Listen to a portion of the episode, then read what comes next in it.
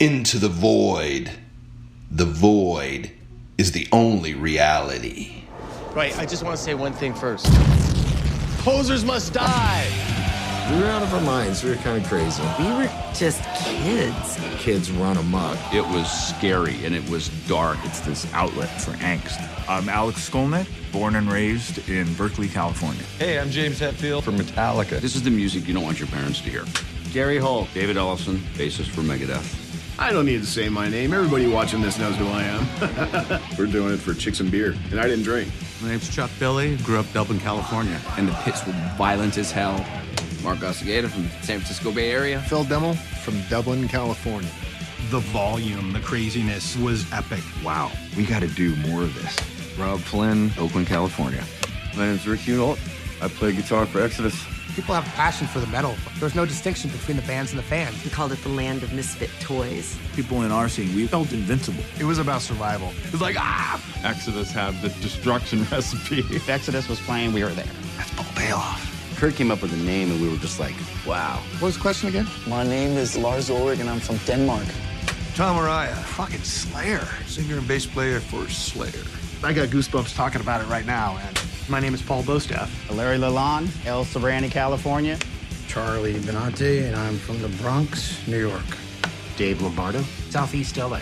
There was an aura of watching history happen. Yeah, East Bay guys. They played before us, and that was kind of a mistake. I am Robert Trujillo. I'm from Santa Monica, California. There goes that guy who was in Metallica. What's he up to? Isn't as exciting as you thought it would be, was it?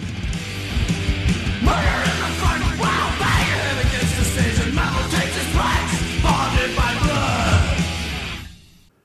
Välkomna till Into the Void Podcast. Jag heter Magnus Tannegren och eh, det här är ett litet specialavsnitt som vi släpper idag den 24 april 2020. Och varför gör vi det då?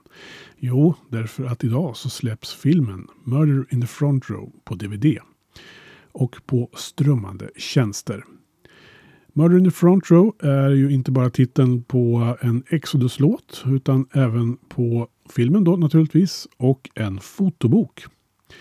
Genom åren så har man intervjuat eh, många spännande människor och ibland så snubblar man över saker av en ren slump. Som den här fotoboken som när den kom 2013 inte gav så mycket väsen av sig egentligen. I alla fall inte här i Sverige. Men eh, jag blev lite fascinerad av de här bilderna och eh, tog på chans kontakt med Brian Lou som är en av fotograferna tillsammans med Harold Oyman. Eh, för att ta reda på mer om den här fantastiska boken med de fantastiska bilderna på alla de här thrashbanden som man älskar när de var som yngst. Några år senare så hade jag ju nöjet att eh, prata med eh, Adam Dubin, filmregissören som bland annat har gjort eh, A year and a half in the life of Metallica. Det var förra hösten då filmen Murder in the Front Row hade premiär på olika filmfestivaler runt om i världen. Och jag hade nöjet att prata med Adam om hur den här filmen då kom till. Filmen som alltså är baserad till stor del på bilder och berättelser från boken Murder in the Front Row. Så jag tänkte att eh, i och med släppet på DVD här så skulle vi ta och klippa ihop de här två sakerna.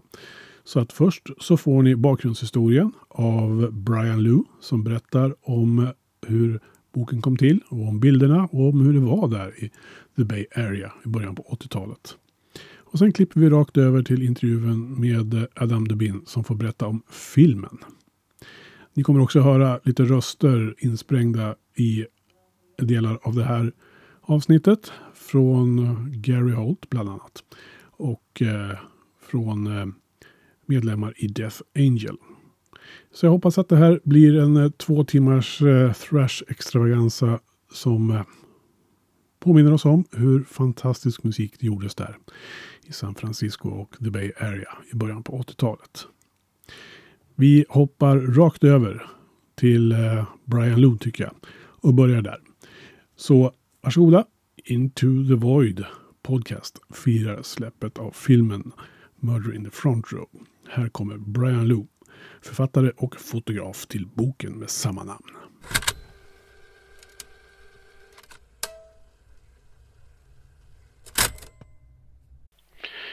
So how did you get into the music? What got you interested in the metal music? Um, well, you know, when I was younger in the late 70s, early 80s, there were several rock radio stations in the Bay Area. I mean, the Bay Area has always had this, has had a, um, a history of, you know, music and rock music, even dating back to the 60s. I mean, you know, the, the Summer of Love and the Grateful Dead and those bands, you know, that's always kind of been around. Like if, if you were listening to the radio stations in the Bay Area when you're growing up, then I mean that's all you heard was kind of like these bands that started around the 1960s in the Bay Area, and so you know from listening to radio, I got into like the the big bands of of the day, you know Led Zeppelin, you know you, you Black Sabbath, like you'd hear those on the radio and ACDC. Until from there, you know, out of that. Um, those radio stations, they they sometimes played local rock bands, and one of the local rock bands that they started playing a lot was this band called Y&T. In the beginning, you know, in the in the 80s, Y&T became sort of almost like a glam rock band, which is sort of what a lot of the rock bands are doing to try to get popular in the in the mid to late 80s.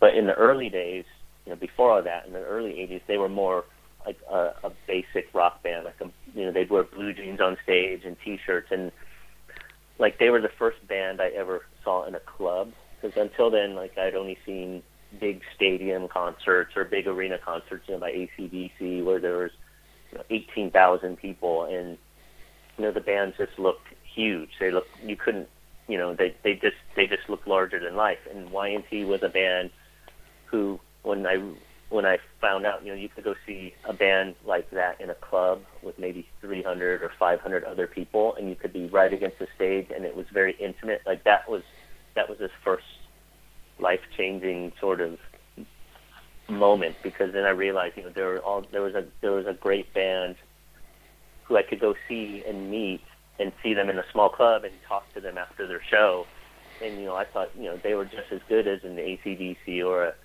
or a, a Scorpion, you know, in my mind. You know, I like their music as much. And so from there, I started trying to find other underground rock uh, metal bands. And at that time, there was this English um, music publication called Sounds. And it was published in England, and it was a weekly newspaper, and we get it here on import, and we get it weeks after it was published. But um, the local record store would get that here, and Sounds you know, it was the it was a publication that first coined the phrase "new wave of British heavy metal," and that's how I found out about bands like Iron Maiden and Motorhead and Saxon, and like the early English bands. And you know, out of Sound came Kerrang. I think Kerrang, the first issue of Kerrang, was actually a special in, in, insert issue for Sounds. Like it was kind of like a, a bonus magazine that Sounds did um, and that's where Kerrang started. And so um, when Kerrang started and we started getting it here, Kerrang was published every two weeks, and and in the very beginning, Kerrang was very metal. Like the, you know, we found out about so many other underground bands through Kerrang. I mean, like you know, like bands like Raven and Venom and Mercyful Fate. Like they were all written about very early on in Kerrang. and so from there, Kerrang had a pen pal section, and you could write and you could send in your pen pal ad for free to Kerrang and just say, you know, I'm looking for you know people to trade letters with because you know this was before the internet and you had to write letters and mail it, mail them and everything.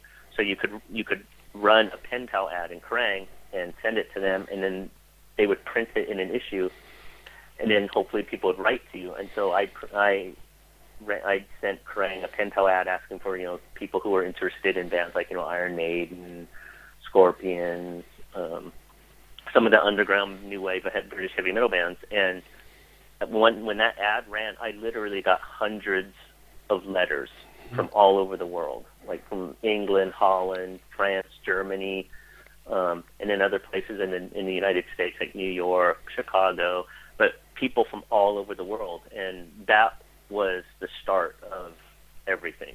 Like once I started meeting all these people from all over the world, and I realized like there are people, you know, in Germany or France who were into the same bands I was, hmm. like that was really mind blowing because it, it it you know I was living in California, you know, in a in a in suburban California in my parents' house, and to realize like I had something in common with someone in Germany who was my age, like it completely changed my the out my outlook on world on the world of music.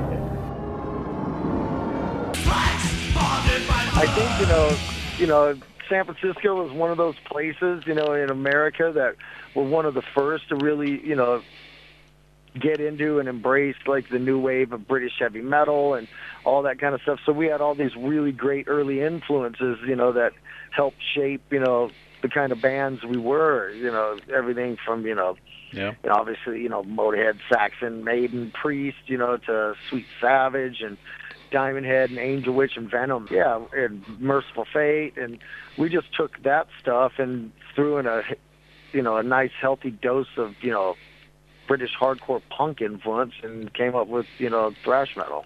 You know, back when we were starting, we were we were fortunate that there were so many clubs. You know, you could you could go to a different club every night of the week and not see the same band twice. So you know, you had a really good club scene. Now there's like you know maybe two clubs in the in the Bay Area, and then you know there was a metal show going on somewhere every night, just about. That was a, it was a special time then. It's not like that anymore. Where you know at least in the Bay Area, there were at least five or six clubs that would book metal bands, and you know this is way before any of this was popular. You know, like a band like the Scorpions was popular, ACDC was popular, but and you know this was like 1982, 83, 84 and so you know, when a band like Slayer came up, like Slayer in the beginning in 1983, 80, well 84, they played here for the first time in the beginning in 1984.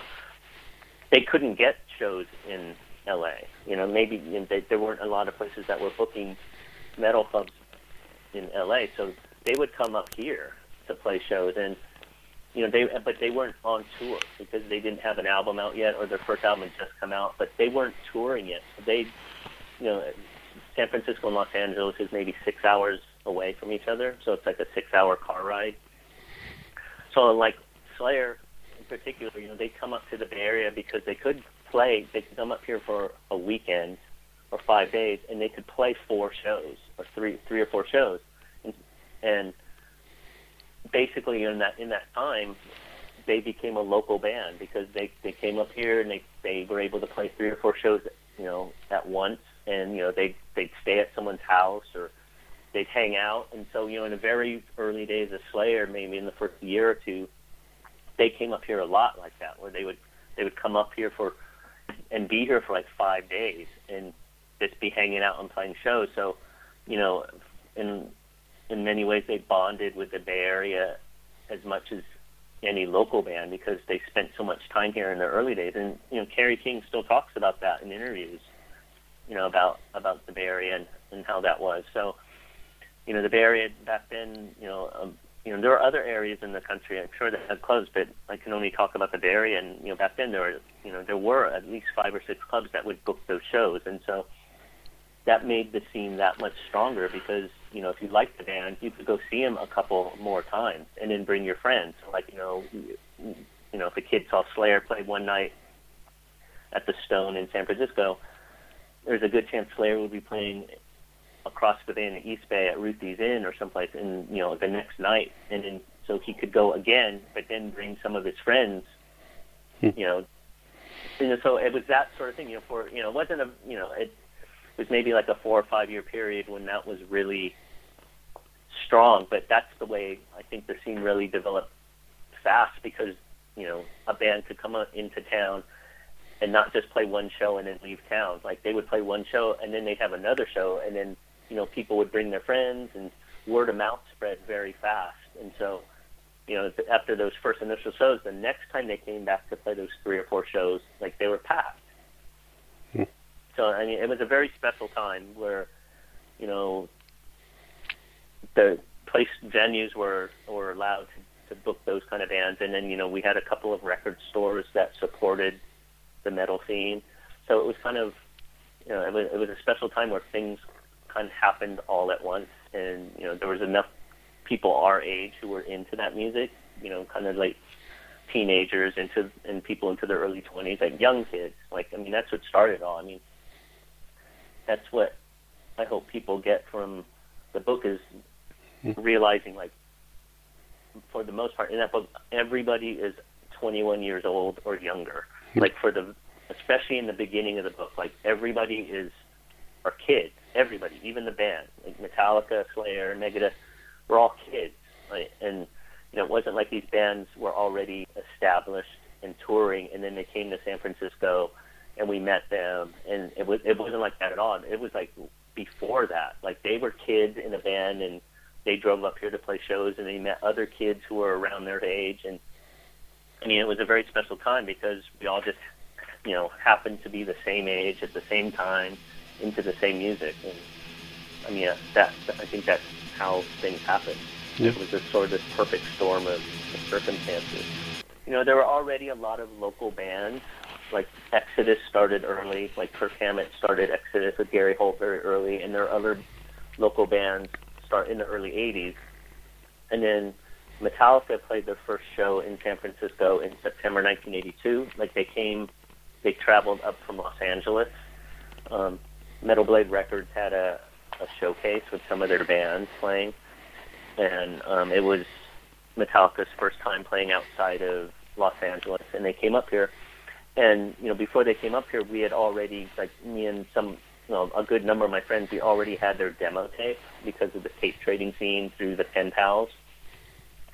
And when they came up here, we already knew their songs, and that I think that really blew their minds. Like you know, because they were they were we were all the same age. I mean, we were all teenagers. Like Metallica were teenagers, we were teenagers, and I think it really it it changed their lives because they realized you know people outside of their friends knew their songs, and so you know that that kind of led to you know Metallica moving up here and you know having Cliff Burton join the band and all that. And so I mean, as far as the Bay Area scene goes, like that's what started it. Like Metallica was part of it, but there was already bands who were listening to you know I think in the Bay Area was a little ahead of some other parts of the United States where there were a lot of people listening to punk hmm. punk rock as well as metal. Like there, there wasn't there, the the crossover between metal and punk kind of happened, I think, earlier in the Bay Area than it did in other places. Because when I first met people who, you know, kids who were living in San Francisco, you know, they were living in the big city, they were listening to, you know, Black Sabbath and ACDC, but they were all listen, they were already listening to Motorhead, and they're already listening to punk bands like you know some of the early hardcore bands like Black Flag and all this. They were already listening to that stuff all together, and to me that that kind of again that changed my view on things because you know I listened to Motorhead, a band like Motorhead because they're very aggressive and loud, and then I realized you know there are some punk bands who are like that too, and so like you know we we started looking at bands not by the way they look because you know punks dress a certain way and metalheads dress a certain way we started looking at them like more like like what kind of music were they play, were they playing? And you know, at the time we were into very fast music. We like, you know, that like Motorhead. I mean, Motorhead was the you know the band that started it all for me. And like they, a lot of their songs are very fast. And then when I started discovering other bands who played fast, that just kind of added fuel to the fire. And I think like as far as the Bay Area goes, that's how the Bay Area thrashing started, because people started listening. You know, we we were li- already listening to the metal bands, but then we all then we started listening to the punk bands, and then you know the bands around the scene were the were just like us. So it sort of influenced like the punks and the metal. The, the punk influence started to influence the metal bands here, and that you know that sort of kick-started everything. And you had your camera. completely by accident. You know, I wasn't a photographer. I mean, I was a kid, like, Yeah. and so was Harald. You know, my co-author. Yeah. More so.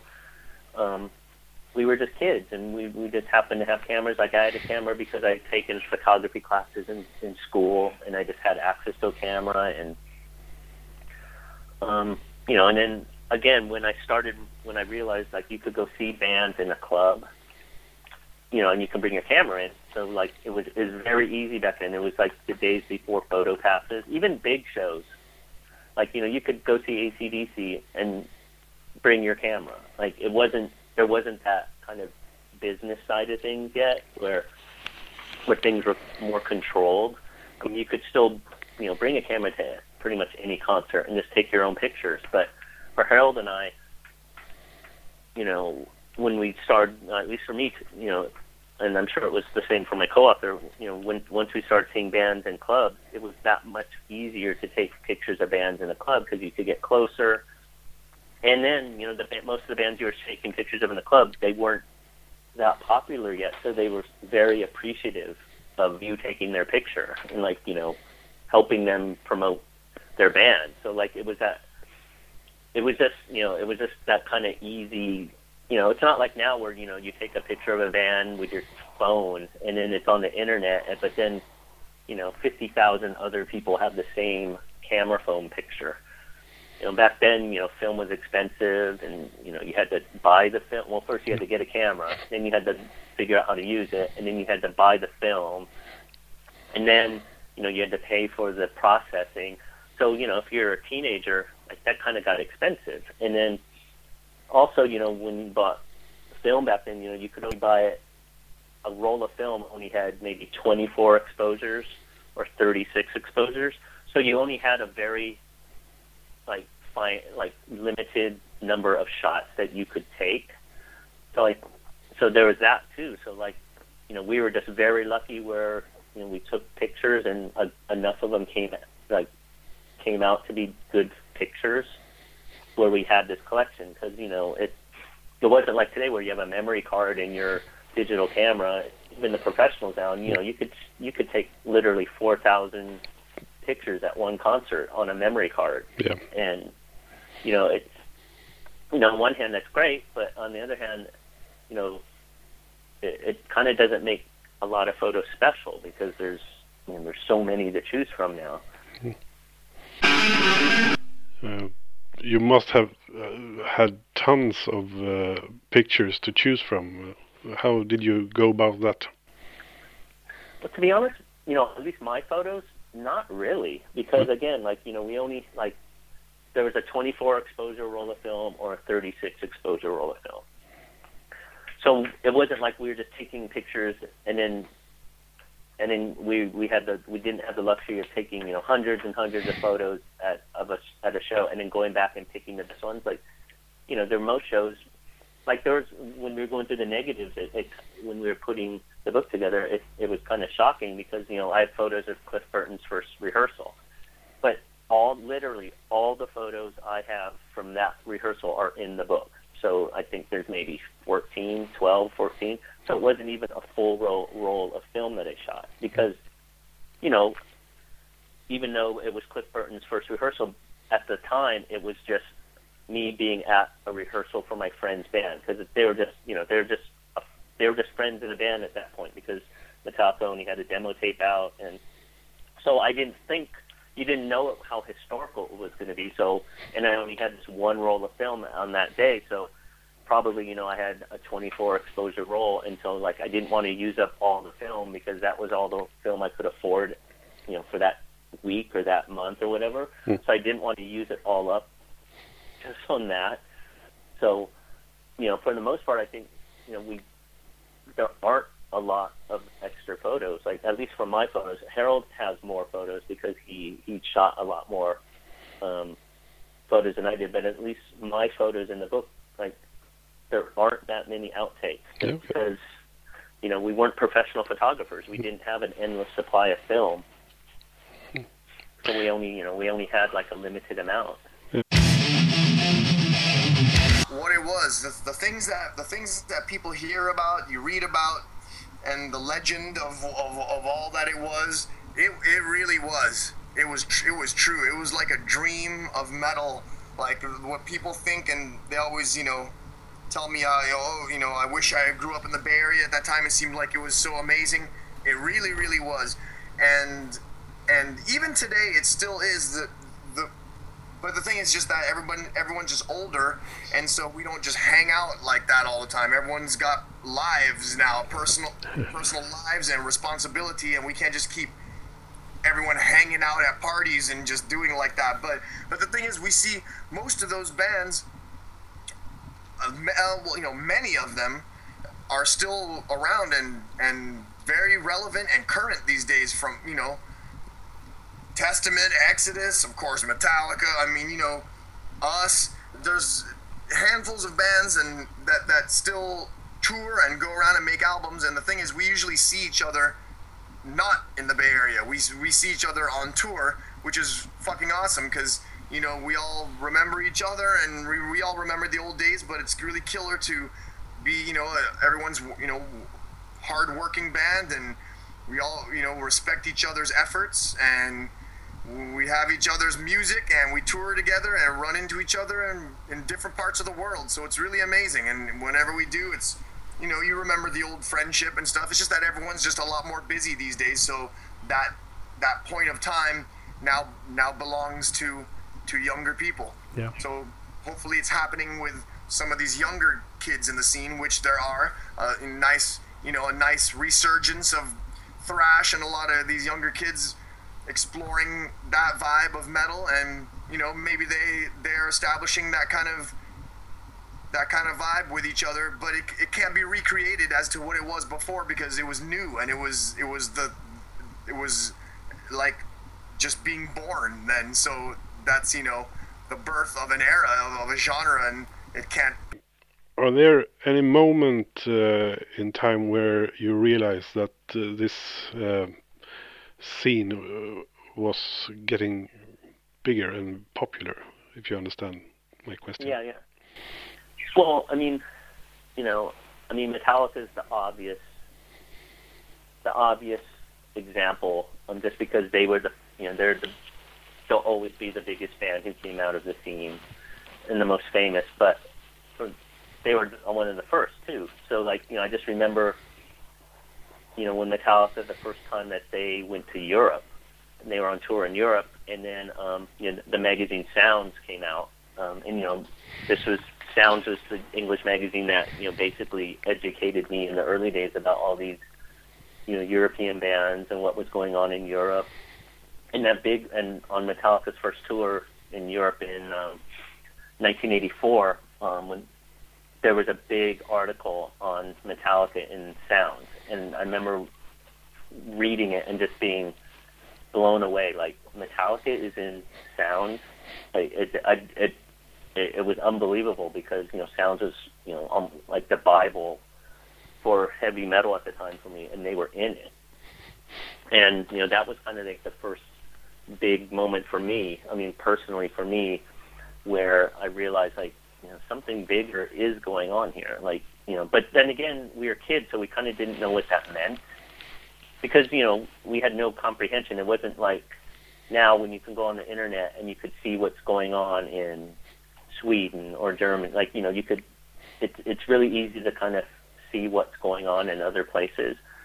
But back then, it was you know we had, I had ten pals in other countries, and they would send me pictures from shows, and they would tell me what was going on. But you kind of you didn't you didn't have perspective, you know, because like what was big to you was just you know in your community, and then but then when you start reading about you know bands who you who you knew like in these publications from other countries, that's when it started started you know working in your head that you know something bigger is going on here, and then I think like as far as a concert goes, it's in um, it's in the book with some of uh, my co-authors' photos where Metallica played this big outdoor concert called Day in the Green in Oakland, and in the 70s and 80s, um, the, these concerts called Day in the Greens would happen. The local promoter Bill Graham, he's a famous um, rock promoter. He would put on these local stadium shows called Day in the Greens at um, Oakland Stadium, which is like you know it's 60,000 people. And it used to happen every summer and he'd have like four or five of them every summer and they would be like unique um bills. It wasn't it was this is before bands were touring stadiums really you know like and it wasn't like package tours. It's like you know they you know ozzy ozzy opened for uh for who did ozzy open for? Um you know ozzy would open for like um REO Speedwagon or Heart. Like you, you know, it was weird bills where like whoever was touring, they would get booked into the stadium. So like you know, the first time Iron Maiden played in Northern California, they they they were with the Scorpions, but they were opening for Foreigner. So it was that kind of bill. So, but they were iconic because you know they happened for like 15 years, 10 or 15 years in the Bay Area, and so Metallica played one a Dan Green in 1985, and it, there's pictures of it in the book. And for them to play a Dan Green was like was huge. Like especially I know for Kirk and and Cliff because they grew up in the Bay Area, and they grew up going to these Dan Green shows, and um, for them to play a Dan Green, I know was was a pretty emotional thing, and like for us to see them play this, it was a big thing because you know only you know bands like Led Zeppelin or somebody played Dan Green, and then here was Metallica who you know two or three years before we you know we they were just playing clubs, and here they were playing a Dan Green like and they went over very well, and so that was another moment when we kind of thought that something bigger was going on. So, see, and that's that's kind of the the really great thing about what's going on right now. Like all of those bands are back. Like you know, in the early 2000s or late 90s, like metal was dead. You know, at least in America. Hmm. But it's great. Like you know, Death Angel, they're they've been around as long as Metallica. I mean, they're much younger. You know, when Death Angel started, they were 12 years old, literally 12 yeah. years old, and but they would play clubs. Like they were able to play like all those venues we talked about. They were able to get shows. Like their mom would, one of their moms would have to drive them to the show, and stuff. But like, so they, you know, for Death Angel, you know, their last couple albums have been their best ever. And Testament, Testament, you know, Alex Skolnick returned to the band and Testament are as big as they ever was, and I just saw a show like in Los Angeles earlier, well, in the September, and it was Iron Maiden did one more short U.S. tour, and they, their last show in North America for this tour was in um, Los Angeles. So it was Iron Maiden, and the rest of the bill was Megadeth, Anthrax, um, Testament, and Overkill. Hmm and like that was the type of bill. You know, this was like three, four weeks ago, and like you know there were forty thousand people there, and like that was the type of show we could only dream about in when we were kids. Like that was the type of show that would only happen in Europe. Yeah. But for that kind of show to happen in America, and you know, forty thousand people showed up, like it, it, it's really amazing because you know none of them are new bands. You know, and I I was at the show, and like you know, mo- a lot of the crowd were kids. You know, hmm. kids and for them to be that into the music it, was really inspiring because you know it, it it just shows like what you said like you know a lot of kids are back into the that kind of metal but they're they're appreciating the older bands too. Sa alltså Brian Lou 2013 när jag intervjuade honom om fotoboken Murder in the Front Row. Du lyssnar på Into the Void Podcast som firar eh, släppet av dokumentärfilmen Murder in the Front Row baserad på den här fotoboken som vi nyss har hört Brian Lou berätta om. Ehm, så nu hoppar vi över till filmen då. Och vi pratar med regissören och filmmakaren Adam Dubin om eh, filmen Murder in the Front Row. Här är Into the Void Podcast.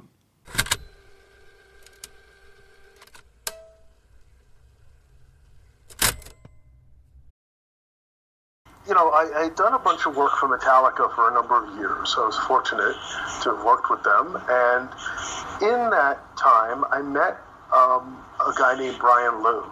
And Brian, uh, along with Harald Oimoen, um, was uh, kind of a photographer and like, uh, you know, he also wrote for like fanzines and stuff back in the early 80s.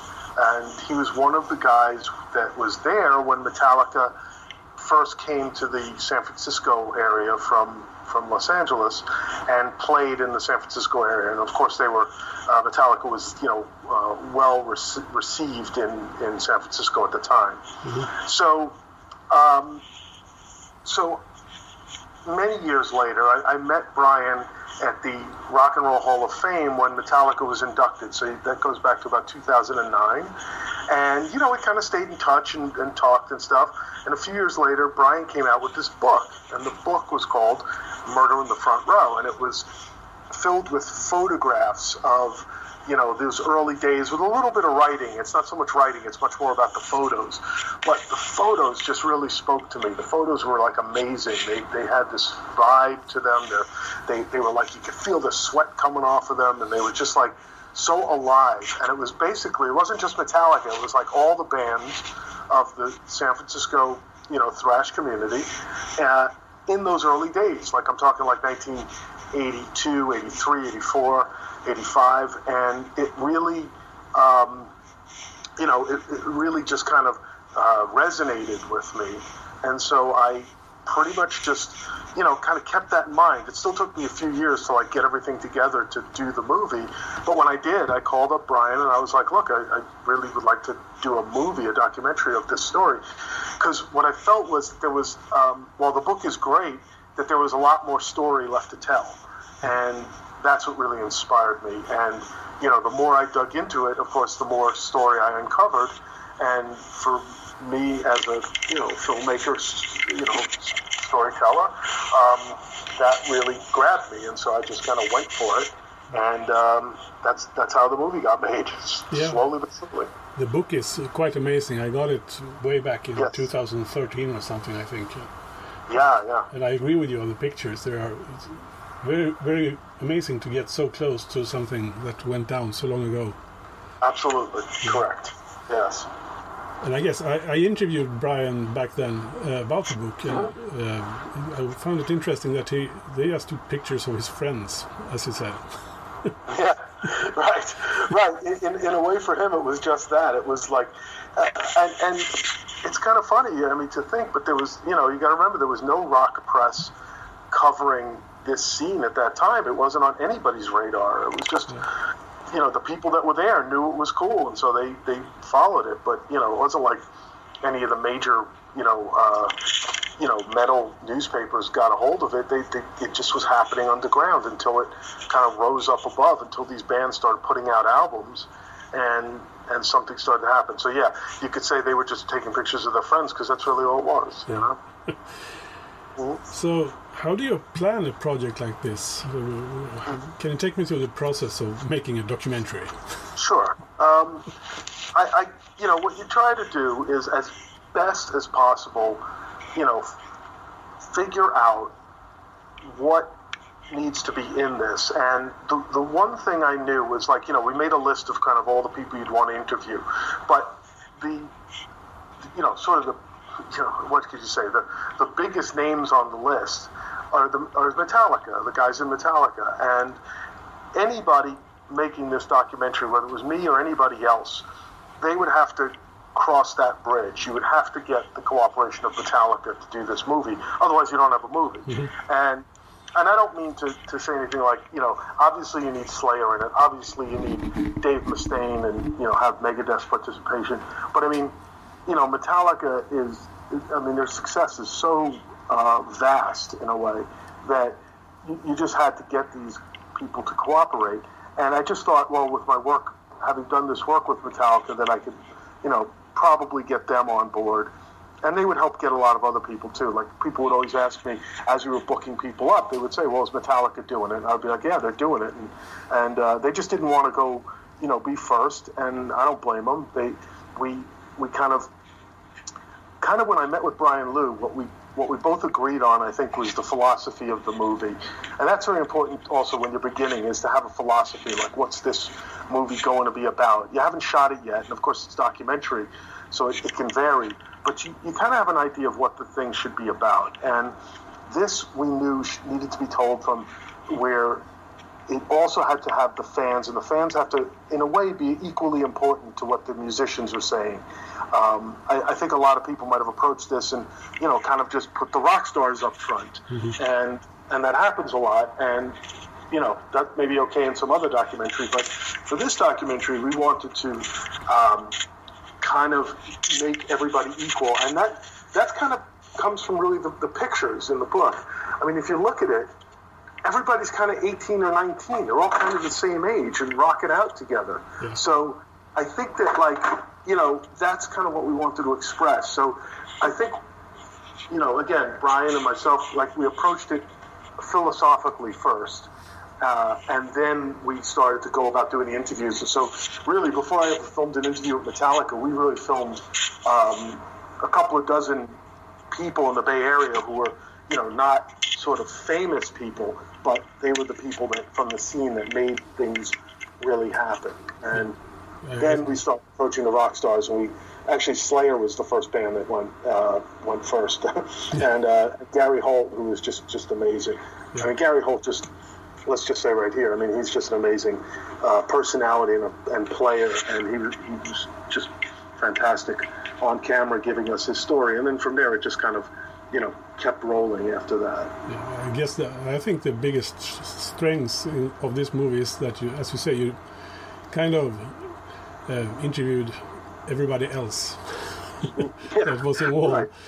I mean, it's, Right. it's easy to base it around the big band that made it out of there, but all, these, all these names I only read in biographies and they passed by in interviews. Uh, they are here in this movie, and I think that is great. Well, thank you. Yeah, uh, we really tried with that, you know, and and and I will say we were um, richly rewarded because, like, when I, when I shot an interview with, let's say, somebody like um, Mark Osegueda or from Death Angel or Chuck Billy from Testament, I mean, you know, I. Those guys don't show up in documentaries as often as you know some of the other people. But man, they had great stories. You know, these are guys who, who were really there and had, had and were part of this and really you know spoke well about what they what they felt. So um, again, I think by looking past the obvious rock stars, you know, we, we kind of got some really interesting and as I always say, very human stories about about this genre and this scene. Yeah.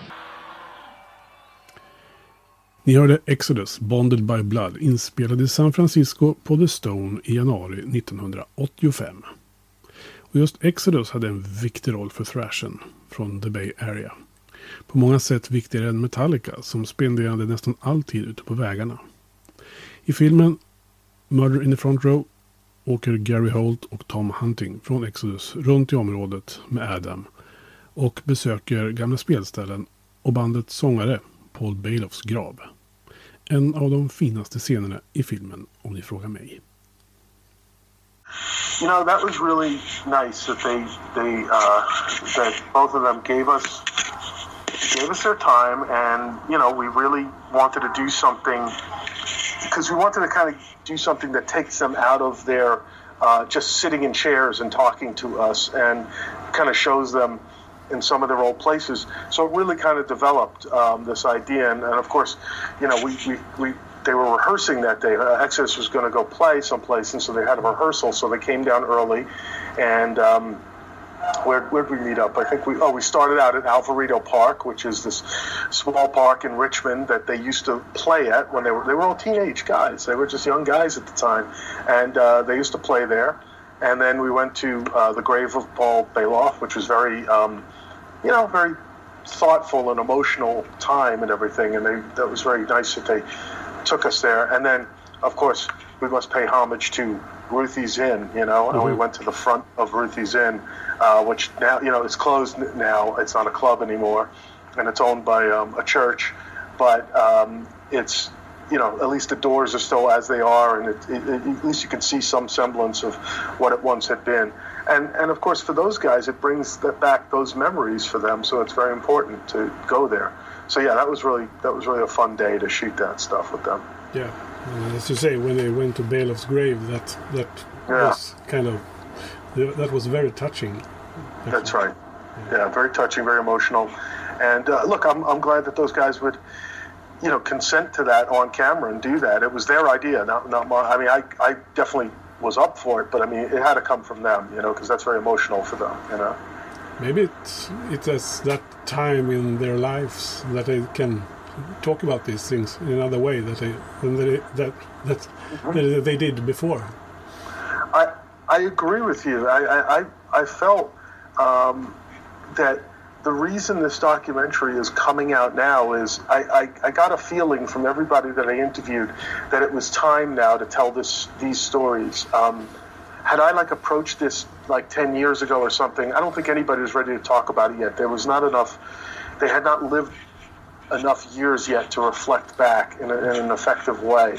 Um, but now, as, as I spoke to everybody, and everybody's kind of either in their maybe late 40s or, or into their 50s, they're kind of, you know, ready to reflect and think about that time.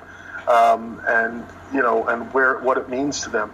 And so, yeah, everybody really gave their best in these interviews. I think I think it was the right time to make the film. Yeah, I read somewhere that you show them pictures of themselves when they were young, when you were Right. to interview them. I don't know what it is, I, but something. I, well, I know I was always inspired by the book. so whenever I kind of would think about anything, if I had an interview coming up with somebody, I would look through the book and see if I had any pictures of, of that person. And I noticed something very early on. I would do this. I would just, you know, we would just scan the picture, print it out, and I'd put it on like a hard board. Actually, the first couple of interviews, I just brought the book, and I realized the book's very heavy for somebody to hold. So I, I just took the picture I wanted, and I, and I scanned it and put it on like a, um, a hardback board, and I could hand it to them. And it was like magical what happened, what I observed, because the people would look at the picture, and if, of course, you know, usually they were in the picture, and it would bring them back to that time, but they would become like youthful almost right in front of my eyes. It was like they would go back to that 18 year old person that they once were and would remember those times, and I'd get these wonderful recollections of, of you know, how they felt about that or who that was or if it was a friend of theirs or something. And so I noticed it was a very effective interview technique. So I would uh, always do the whole interview, and then I would say, "I got a few pictures. Can I show them to you?" And they'd be like, "Okay." And I would I would do no more than four or five, five at the most. And um, and again, this this kind of wonderful quality of, of bringing them back in time, like opening a window in time to go back in, and and they'd remember things and everything. Um, it, it's it's pretty amazing when, when you do that. I mean, even like like, like as, as he said towards the end of the movie. I mean, Tom Araya got like teary eyed, you know, from thinking about these days, you know, and like like you, you normally don't. I mean, I, of course they're people and they're human beings, like just like the rest, but you normally don't think of Slayer getting teary eyed. I mean, that doesn't come to mind too quickly. No, so that's not it, that's not part of their job description. That's correct. well said.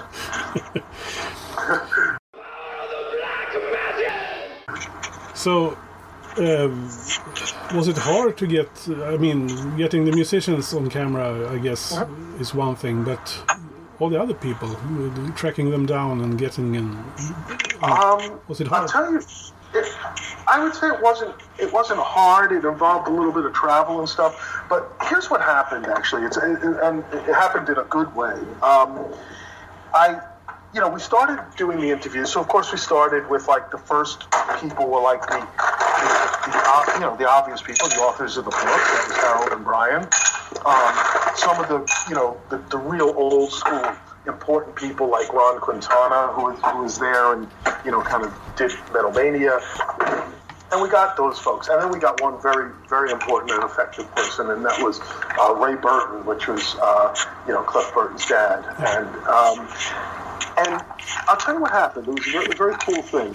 From there, the word kind of went out because a lot of these folks are still in touch with each other, and the word went out that like, you know, we're we're doing this documentary, but it's like we're the cool guys doing it. You know, we're not because I'm not like a. See, here's here's something. This is another philosophical approach, and I think this is why it happened. As we were doing it, I never wanted to do something that was um, uh, salacious or like you know, kind of uh, like behind the music. Do you know what behind the music is? There, there was this VH1 show that like they would always go for like whatever was either sex or drugs. They would go for that, you know. And I just thought there was a much deeper, richer story than than going for you know just some um, sensationalist like details. And so I, I left that alone, and we just didn't. I, I wanted to know who these folks were as people, and by doing that, the word kind of went out that hey, these guys are doing the documentary the right way, and there was a bunch of people who were like who at first weren't interested in being interviewed and then came forward and they did want to tell their story. And I, I think that and so as each time we went back to san francisco to shoot we would get a few more people who who heard about how the kind of questions we were doing and how we were interviewing, and understood that we were doing it the right way and telling the story, really their story, telling it the right way. And that's what kind of got, I, I would say, like the right people involved. Um, it wasn't all at once and it wasn't on first pass. It was like each thing, each shoot got us more people to understand what we were doing in the right way. And from there, it just kind of, you know, kept going. There, I will say this: there was a few people that I had to kind of go, you know, out of my way, which is fine. I mean, it's it's like they're just not living in the Bay Area any longer, and I had to kind of make my way to where they were. Both were well worth it. Um, it, it, it happens that they both were the girlfriends of um, of the uh, you know the significant people in the film um, who pass away. So I, I went to uh, Los Alamos, New Mexico, to interview Elizabeth uh, uh, Francoise, who is was then the girlfriend of Paul Baloff, and I also went to Missoula, Montana, to interview Corinne Lynn. And Corinne had been um, Cliff's girlfriend when he passed on, and so um, now both of these people had heard about what I was doing and had like understood that like you know I was doing this the right way. N- neither of these people, Corinne nor Elizabeth, do a lot of interviews, if any. I think they, they, they don't do any, you know. And, and I haven't seen I think, right, they, they don't come up all the time. You know, Brian, obviously, and Ron Quintana, people like that get interviewed often. Um, but it's, you know, they just were talking to people. But I had to work my way into that. That took like like almost a year to get to those folks of, you know, doing this the right way and then demonstrating this and talking to them and telling them.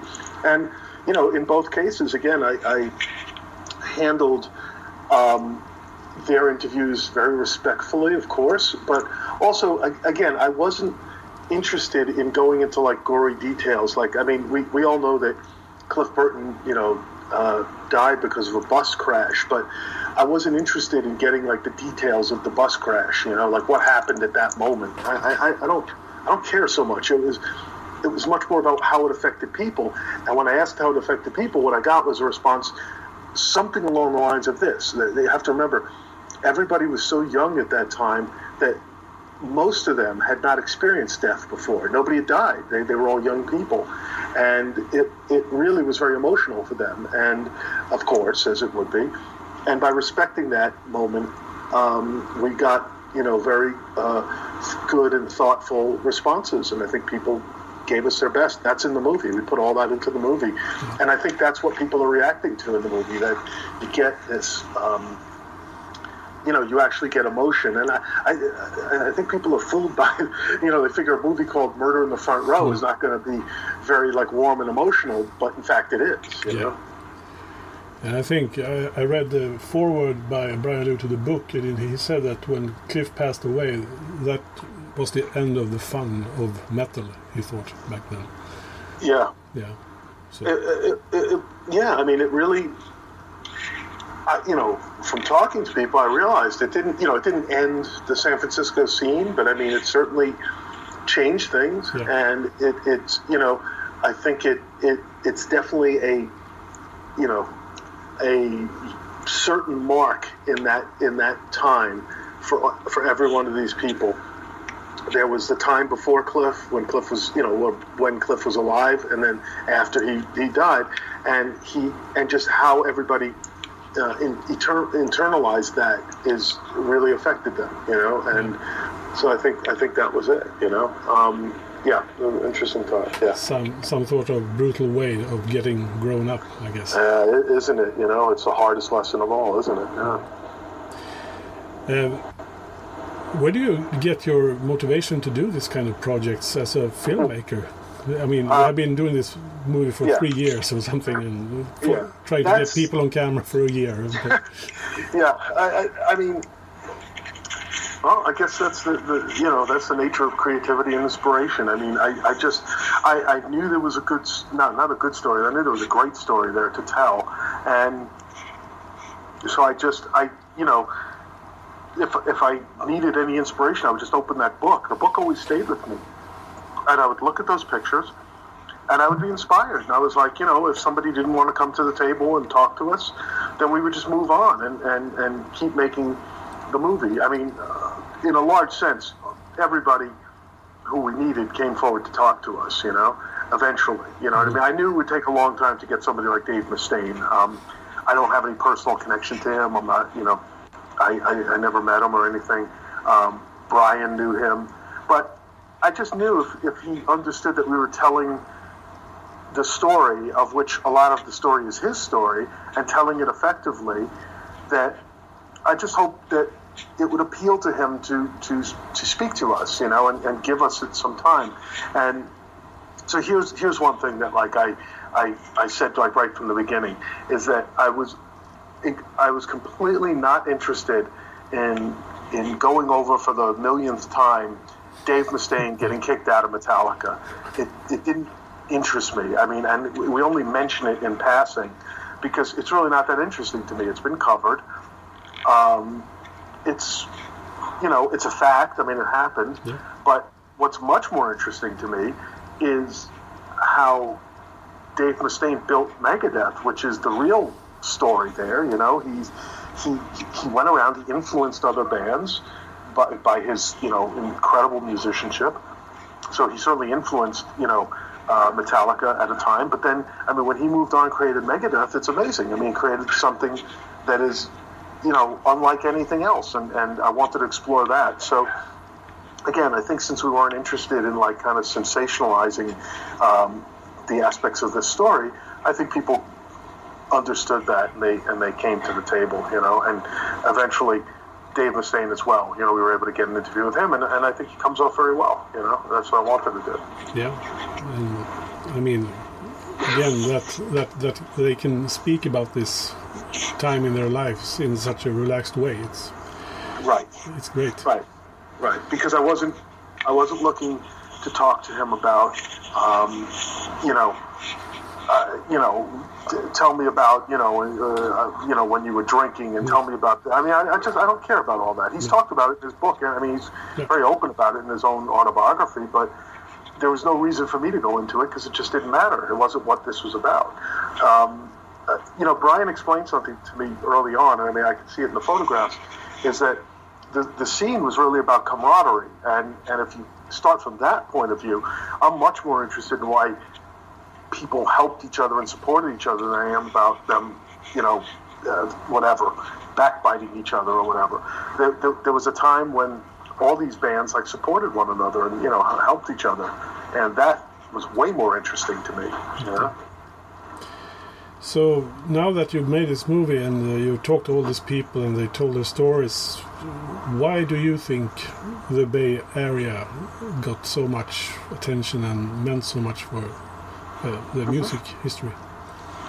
Okay, um, you know, I, I really try to explore that question a little bit, like why the Bay Area, and I I don't know that I have an actual answer for it, other than I could say this that that okay the Bay Area is it's very supportive of its music scenes, and, and I tried to show that in the beginning of the movie by showing how it supported jazz and it supported, you know, free speech, and it supported, um, uh, of course, it's very well known for the psychedelic rock scene that came out of there in the '60s. I mean, that's that's one of the most famous things, and I think because it wasn't like Los Angeles was like the business end of the music business. San Francisco wasn't the business end. San Francisco was was just a, a, place with a lot of people that were kind of very open. I think the people there are very open to uh, new ideas musically, certainly, and and and artistically. And I think that every generation or so, something gets going there, and they'll support it. Um, any any young band needs needs support if it's going to develop. A band needs to be able to play. They need to be able to play out, and they need to have people come see them. They need to be able to do that, and if they can't, I don't think you can get very successful. You know, it seems bands that, you know, that, that get a chance to play in front of people live get better and better, and eventually can, you know, kind of hone their craft. And so that's what happened here in the Bay Area. I mean, that's kind of what I wanted to show that this was going on. Bands were playing, people were listen, listening, coming to shows before Metallica showed up. So this whole thing was happening, mm-hmm. and into this comes Metallica. A lot of people have thought over the years because it just seems that way that like when Metallica showed up, the Bay Area scene got going, and that's wrong. The Bay Area scene was going, and Metallica showed up, and that's why Metallica was like, "Oh, wait a minute, you know, hmm. something really is happening here." Uh, and but you know, it, it's amazing. But like, pretty much by six or eight months after their first show in the Bay Area, Metallica is fifty percent Bay Area musicians. Now that's that's pretty significant. That says something about that area, you know. And and so I think that you know I don't have a perfect answer for why, but I could just tell you that it's because they're supporting the music there and they're going to see it. And they and look what they were doing. They were photographing it. They were writing about it. They were certainly showing up and, and, and hearing these bands. And so that's why younger bands could get going. So like when Death Angel gets started, and they're very young guys, they're like maybe 14 or something, and they start playing, people would show up and see them too. I mean, if people hadn't shown up, a, a band like that probably would have fallen apart, you know, and wouldn't have been able to keep going. But people did show up and they watched them, and you know, I'm sure Death Angel learned. I mean, I'm sure an early Death Angel show might have been a bit rougher, but they had to learn their craft. But that's how you learn it by by people showing up and getting a feeling for how you're doing on stage. Yeah. So now what would how long will it take for you to get off this thrash metal train? well, I I don't know that I'll ever be off it. Um, you know, I worked for Metallica. I'm still doing stuff for Metallica. Yeah. Um, so it's that's a very uh, happy and great situation to uh, continue to do work for this wonderful band. Um, I, you know, right now we've just started to take the movie out and show it, and people are really enjoying the movie, and they're they're certainly, um, you know, like starting to see it. I mean, the, the theatrical screenings just started this weekend in California. Um, the first screenings in New York are, are uh, happening now. I'm, I'm going uh, tomorrow night to um, Yonkers, which is up north. It's a town north of New York City, and um, I'm going to speak there at, at a, at, you know, at a screening. Um, the screenings are selling out, which is, you know, I'm blown away. I'm so happy about. But it's it's. I think people want to hear this story, and they want to, and it's told with you know with a real feeling. So I think you know people like want to want to know what happened. They want to know this history. So for the moment, I'm just going to you know work on this for a little while. I'll work on you know whatever projects for Metallica that that come along, and somewhere I'll, I'll get inspired by another story that'll that'll you know make me want to dive back in for another three years. And you know, I've always been a filmmaker, so for me, it's there's no other there's no other road. It it, it, it has to be. Um, but I you know I like to I like to think it's like it's uh, you know my favorite music is blues music, and you know for blues guys. There is no end of the road. The only end of the road is, you know, is the end. Yeah. Um, there's no stopping. You never stop playing because you, you live it, and that's kind of how I feel about music. uh, You know, the movies is that I feel like I want to, you know, tell these stories. There's still there's so many great stories still left to be told. I mean, I, I've, I've been saying like after I found out more about Testament, there's a whole documentary that could be done on Testament. It would be a wonderful story, you know, and um, any of these bands could could be their own story. So, um, you know, I just think that it, it's it's fun to keep exploring this and, and, and getting you know and, and finding these these things which are maybe not so obvious. You know, if, if it was obvious, I think somebody else would have done a San Francisco Bay Area thrash movie in this way, and they and they didn't. You know, it's it's like uh, I was happy that you know we came along and this this was all here. So you know, you just keep you just keep looking for more stories. Um, I did something for Metallica, which is going to come out this this year, which is, um, they, you know, as you might know, I don't know if you know, but Metallica has been doing reissues of their albums Yeah. each year. They so they did already Kill 'Em All and Ride the Lightning and everything, and they put out these really beautiful boxed sets with like, you know, a booklet and um, and you know, kind of added tracks and everything, and you know, when you get up to the Black album, now you get to where I kind of came into the Metallica world, and you know was lucky enough to be there when they were making this album. So, I again very fortunate to, for a filmmaker to get back, get to go back into an archive and, and look at your footage again, and I was able to do that earlier this year and, and look at the footage for uh, that I shot during the Black album, and uh, when the box set comes out later this year, there's going to be um, a bunch of new footage that you know was I, just stuff that we didn't have time for. That's that's really great of them making the Black album. So it's all this really cool footage and story, and that's like a that's like a fantastic thing to get a chance to, you know, kind of t- put more of that that material out there into the world, you know, instead of letting it sit in an archive someplace. So um, I'm really happy that Metallica did that and would let me do it, and and just you know here we are again. You know, we have some amazing stuff that we can that we can put out. So again, I don't know. I, thrash metal has chosen me for, for this. You know, I'm lucky. I'm really looking forward to see that. I, I must Yeah. say, and on a side note here, I'm a great fan of yours ever since I saw the a year and a half in the life of Metallica. I Oh, think Thank you. I, I don't know how many times I've seen that those two parts.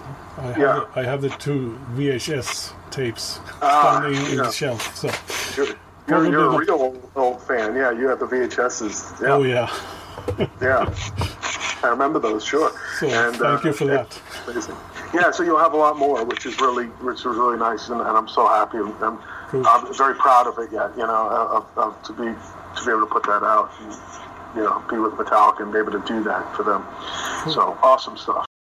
Sa filmregissören Adam Dubin till mig förra hösten när jag intervjuade honom. Och det här avsnittet släppte vi då i augusti redan 2019 om ni tyckte att det lät bekant. Nu har vi i alla fall klippt ihop eh, Adam och Brian i ett och samma avsnitt för att fira det faktum att Murder in the Front Row nu har släppts för allmänheten på strömmande tjänster och på DVD. En dröm vore väl kanske också att den släpptes på VHS. Men eh, det kanske kommer, vem vet. Jag som säger det heter Magnus Tannegren och tackar dig som har lyssnat på det här specialavsnittet av Into the Void Podcast. Eh, Du hittar oss på Facebook och Instagram. Säg vad du tycker där. Eh, Följ oss också där poddar finns. Snart kommer ett ordinarie avsnitt igen och jag tackar för uppmärksamheten och hej då. Hey, I met you. You are not cool. I know. Even when I thought I was, I knew I wasn't. Because we are uncool. I'm glad you were home. I'm always home. I'm uncool. Me too. You're doing great. You know, the only true currency in this bankrupt world is what you share with someone else when you're on